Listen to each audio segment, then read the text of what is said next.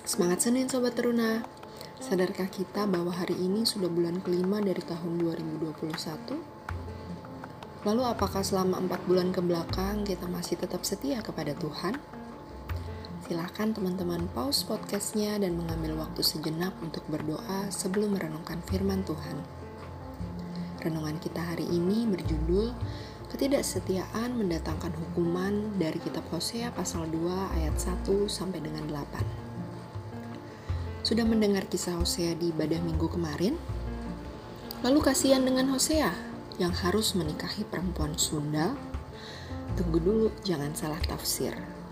Kitab Hosea sebenarnya ingin melambangkan kehidupan bangsa Israel yang penuh penyembahan berhala. Hosea sebagai suami, meskipun mungkin merasa tidak nyaman, namun ia tetap mengampuni perzinahan istrinya.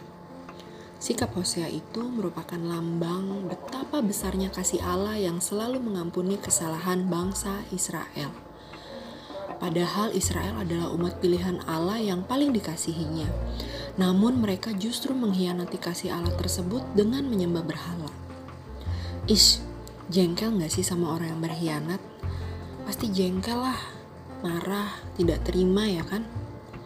Nah Sobat Runa, dari kisah Hosea ini, kita bisa belajar tiga hal. Pertama, kita perlu setia kepada Allah, Sang Sumber kehidupan kita, dan setia kepada orang-orang di sekitar kita, karena pengkhianatan merupakan tindakan yang dibenci Allah dan manusia.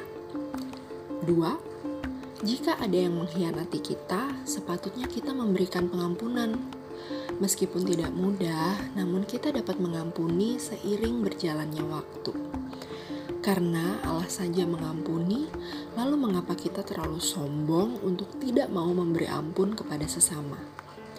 Tiga, jika ternyata kita pernah berlaku tidak setia kepada Allah, seperti main HP saat ibadah, berdoa tapi pikirannya ke mana-mana, atau tidak setia kepada orang tua kita seperti berbohong tentang uang kembalian atau berbohong dengan teman.